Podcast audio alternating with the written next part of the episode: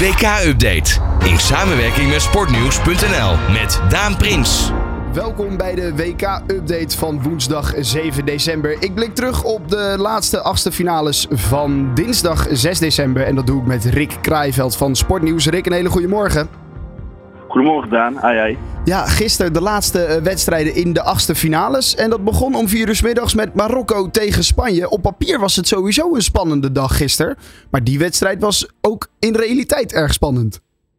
Ja, dat kan je wel zeggen. Ja. Dat, eh, ja, normaal zou je zeggen 0-0 wedstrijdje, daar gebeurde niet zoveel. Maar Nee. eh, ja, dat was hier absoluut niet aan de orde. Er gebeurde hartstikke veel juist.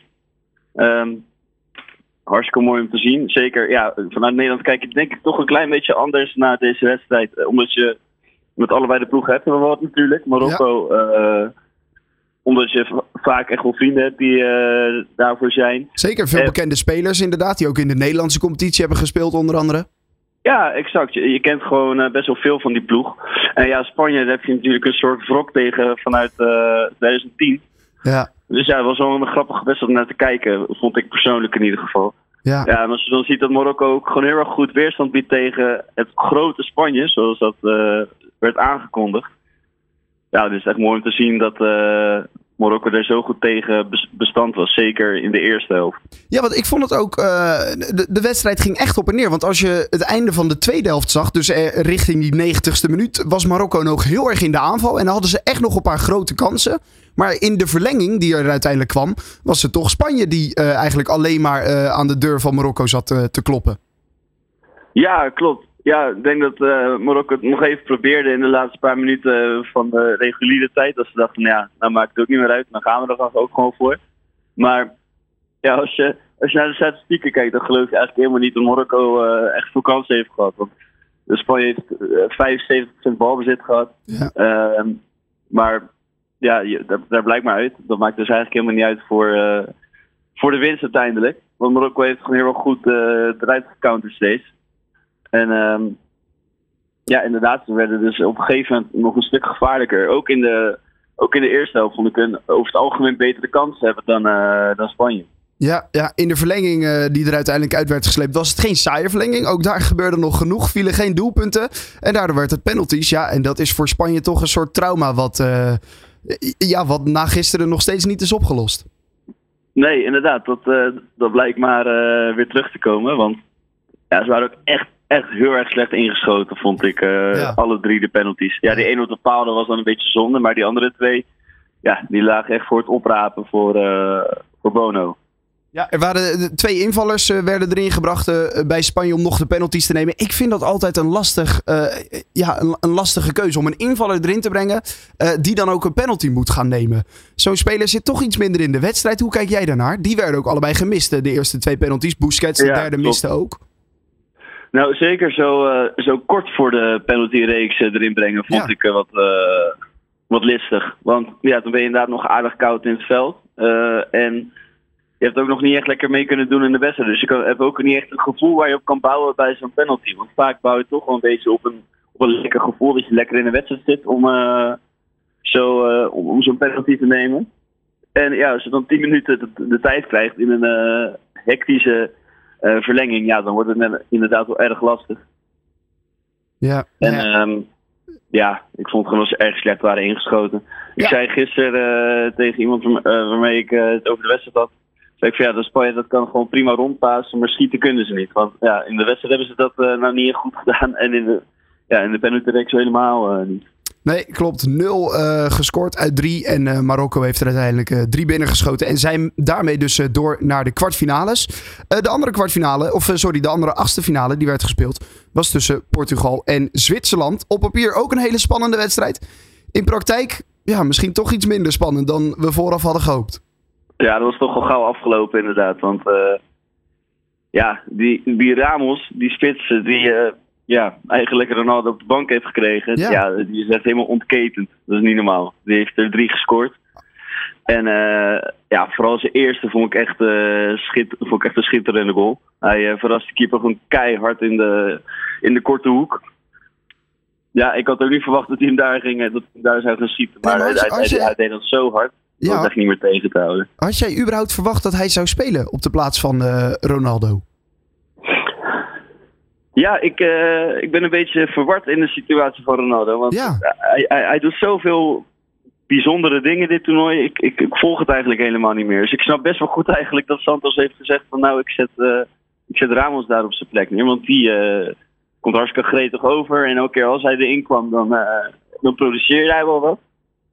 Ja, maar het is toch Ja, de nee, grote... ik, eh, de- ik kan het wel begrijpen eigenlijk. Ja, maar het is toch de grote Ronaldo die een beetje... eh, Ja, nou ja, tijdens dit toernooi werd natuurlijk bekend dat hij bij United eh, uit de selectie is gegooid. Ja. En dan nu eigenlijk ook een beetje ja, uit de basiself van Portugal. Want ik verwacht niet dat hij de volgende wedstrijd weer gaat spelen. Je zei het al, Ramos die maakte zijn hat Dus ja, Ronaldo die zit de volgende wedstrijd toch ook op de bank, verwacht ik. Ja, dat denk ik wel. Maar dat heeft hij toch echt helemaal zelf gedaan. Ook door hoe hij zich toont eh, tegenover de bondscoach. En eh, hoe hij zich eh, naar de buitenwereld ja, vertoont. Hij, zit continu een beetje te zeuren over alles en nog wat wat hem niet aanstaat. En dat doet hij allemaal publiekelijk en openbaar. En dat, ja, dat, dat siert hem absoluut niet, wat mij betreft.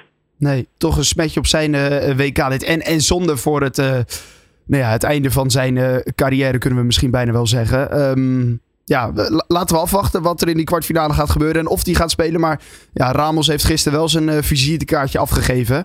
Absoluut. en Zwitserland eh, daarmee bijna in zijn eentje eruit gegooid. Want die hebben nog wel één doelpuntje weten te maken. Maar ja, kwamen niet echt opdagen.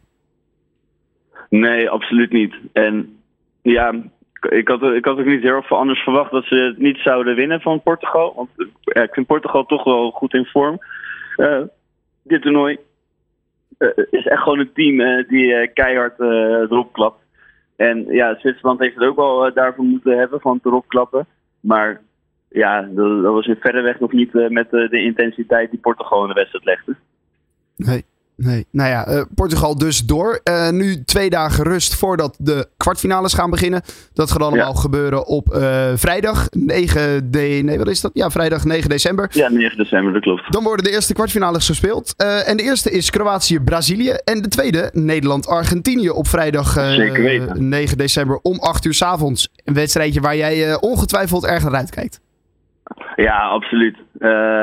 Hele leuke wedstrijd om tegen Argentinië te spelen. Ik, ehm, ja, ik had eigenlijk gehoopt dat we hun wat later zouden gaan treffen. Maar ja, we wisten Ja. al eigenlijk heel erg gauw dat dat niet eh, zou, eh, zou gaan gebeuren natuurlijk. Nee, hartstikke leuk. Ook omdat het, eh, ja, het is toch een beetje, je linkt dat altijd aan Messi. En ja, zijn laatste, het is zijn laatste toernooi natuurlijk. En dat gun je hem van harte. Maar ja, toch gun ik het hem nu even allemaal niet meer. Want ik hoop natuurlijk gewoon naar Nederland doorgaan. Dan een soort revanche kunnen nemen op, ja, op de halve finale van eh, WK 2014. W- wat Ik denk is... dat Argentinië wel de favoriet is. ja, Dat is misschien ook wel lekker voor Nederland om in die rol eh, te kruipen van tevoren. Ja. Wat, wat, is, eh, wat, wat, wat zijn de, de ontwikkelingen rondom het Nederlands elftal op dit moment? Is er al iets te, te verwachten van de, van de opstelling waarmee ze gaan aantreden tegen Argentinië? Nou, ik denk dat die niet heel erg veel zal verschillen in vergelijking met ehm, de laatste wedstrijd die Nederland heeft gespeeld. Dus, tegen, eh, dus in de achtste finale. Ja. Want Van Gaal is niet iemand die heel erg gauw de- van dat soort dingen gaat afwijken. En zeker niet in- deze belangrijke fase waarin je eigenlijk niet echt tijd hebt om eh, dingen uit te gaan proberen. Hij heeft nu natuurlijk wel ietsjes langer om eh, voor te bereiden op zo'n wedstrijd. Dus ja, je weet het aan die kant ook maar weer nooit met Van Gaal. Het zou ook zomaar kunnen zijn dat hij nou iets ziet. Maar ja, Van Gaal kennen op een toernooi blijft hij dan best wel vast in zijn waarde zitten. Dus ik denk dat er niet heel erg veel zal gaan veranderen. Eh, in het middenveld was hij altijd een beetje op zoek natuurlijk. Ja, Maar ik denk dat hij met dat drietal van De Roon, De Jong en Klaassen eh, wel een basis drietal heeft die hij wil gaan gebruiken. En dat hij daarna in de wedstrijd kijkt eh, hoe, dat, ja, hoe die daarin kan gaan wisselen. En dan toch in de spits eh Depay en Gakpo. Want daar eh wisselde die in de rust, in de tweede helft tegen de Verenigde Staten, wisselde die in de rust best wel het een en ander door Bergwijn erin te brengen. Eh Gakpo ging weer naar het middenveld. Dus Ja, daar wisselde klopt. die nog wel. Ja, klopt. Dat is denk ik omdat, ehm, ja, mijn inzien zat, Ga- Ga- zat Gakpo niet heel erg lekker in de wedstrijd. Ehm, dus misschien wilde Van Gaal wat creëren rondom Gakpo op de plek op 10. Dat hij misschien daar wat beter uit de voeten zou komen. Maar eh, ja, ik denk dat Gakpo gewoon even een minder dagje had. Maar ik moet zeggen dat hij het, niet, eh, dat hij het echt, echt niet minder deed dan eh, Bergwijn die op een gegeven moment in de spits gezet werd.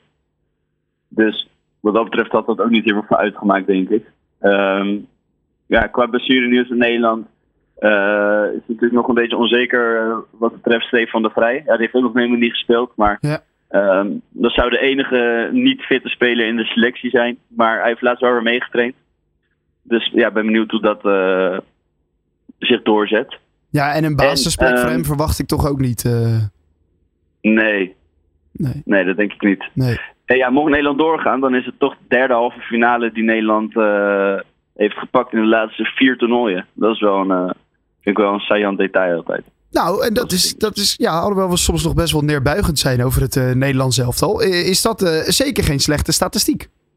Nee, ja, we hebben natuurlijk even wat toernooitjes overgeslagen. Maar Ja. ja, blijkbaar als we dus op een, eh, op, op een WK zijn, dan willen we het nog wel eens ver kunnen schoppen, ja. Ja, nou, laten we, laten we gaan eh, kijken wat er eh, gaat gebeuren. En of we dus die halve finale gaan halen, dat eh, wachten we dus vrijdag allemaal af. Om 8 uur dan begint die wedstrijd. Andere kwartfinale op vrijdag is Kroatië-Brazilië. En op zaterdag spelen Marokko tegen Portugal om 4 uur. En Engeland-Frankrijk is om 8 uur op die zaterdag. Naar welke van Ja. die drie wedstrijden kijk jij het meest uit? Ja, ik kijk zelf erg uit naar Engeland-Frankrijk. Ja, Ik hè? vind dat wel een hele mooie pot. Ehm, Ik denk dat eh, de andere ja, wat makkelijker in te vullen zijn. Vooral Kroatië, Brazilië. Ja, kijk, Marokko, daar durf ik nou helemaal niks meer over te zeggen. Die, eh, die kunnen denk ik met eh, deze adrenaline die ze vanuit Spanje meenemen, kunnen ze alles aan. ja. Maar ja, qua kwaliteit in teams vind ik toch wel dat Engeland, Frankrijk het affiche van de kwartfinale is. En wat verwacht je daar dan van? Ja, dat vind ik dus het leuke van die wedstrijd. Dat, dat kan Ja. alle kanten op gaan. Ja, Eh, ik vind dat Engeland is echt wel ontketend in, eh, de, in dit toernooi. Scoren, scoren wel vaak en eh, overtuigend. Maar dat kan je ook zeggen van Frankrijk. En Frankrijk heeft natuurlijk gewoon ja, de grote Mbappé-show. Ik vind Engeland dan net iets meer een, een team. wa- Waar, waar ze het vooral voor moeten hebben. Dus ja, dat, dat wordt gewoon een hele spannende wedstrijd. Ja, twee landen die ook wel gegroeid zijn in het toernooi, als je het mij vraagt. Ja, En die, ook, en die Ja. dus op hun niveau spelen. Dat kan je nog niet van ieder land zeggen. Nou, Portugal gisteren wel. Die spelen inmiddels op hun, eh, op hun niveau. eh. maar maar van, Ja. van Engeland en Frankrijk kan je dat ook echt wel zeggen. Dat zag je in de achtste finales. Eh, die hebben hun niveau gehaald. Ja, klopt. Ja, en Engeland heeft dan ja, de zaakjes maar 3-0 gewonnen van Senegal. Maar dat was zo overtuigend.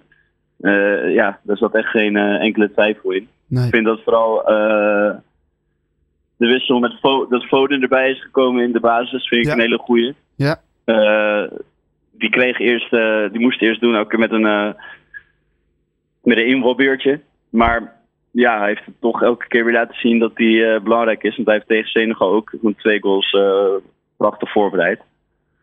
Dat is wel een hele goede, goede keuze geweest. Ja, nou, en laten we gaan zien wat hij kan doen. En natuurlijk wat eh, de ster van dit WK, Mbappé, eh, kan doen eh, aan de Ja. Franse kant. We gaan het allemaal zien vanaf aanstaande vrijdag. Dan beginnen de kwartfinales van het WK 2022. Ik sprak met Rick Kraaienveld van Sportnieuws. Alle sporten van binnenuit. All Sport Radio.